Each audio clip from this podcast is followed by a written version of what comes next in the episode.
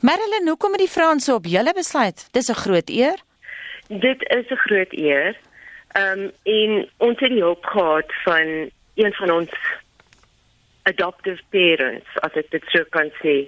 Ehm um, sy het hier aangeneem by die sentrum en haar naam is Marianne Scholler en sy is in Frankryk en sy het ehm um, voorgestel laat ons ehm um, oorweeg word vir hierdie skenking.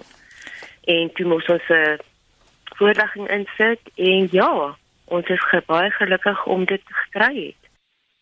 Sek, dit kan seker nie anders as om julle profiel te lig nie.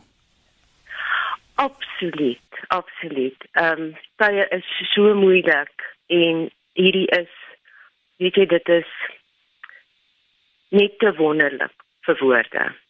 Kom ons kyk gou-gou na die Anne van Dyk Jagluiperd sentrum. Daar's baie mense wat dit nie ken nie. Sê vir ons wat julle presies doen. Die jagluiperd is 'n bedreigde spesies en in die jaar 1900 was hulle nommers geskat om en by 100 000.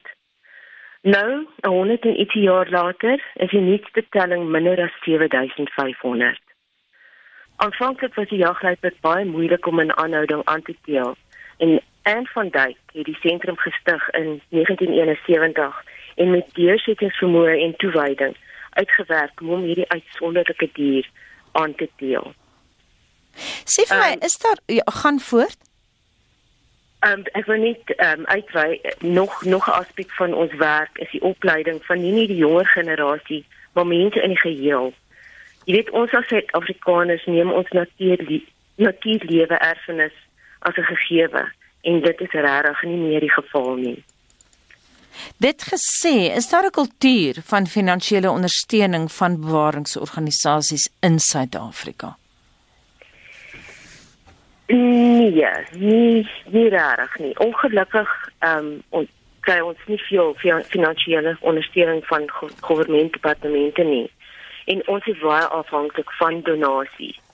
Ehm um, van die publiek en van uh, die koöperatiewe wêreld. Madeline op 'n praktiese vlak, wat gaan julle doen met die skenking? Enige idee? Ja, ehm um, 'n groot jy weet net met met uh, as jy werk met so baie diere, ehm um, is daar altyd veeartsenykoste en dit is dit is hoog. So 'n groot gedeelte daarvan sal gaan vir ons veeartsenykoste en die en die gesondheid van die diere.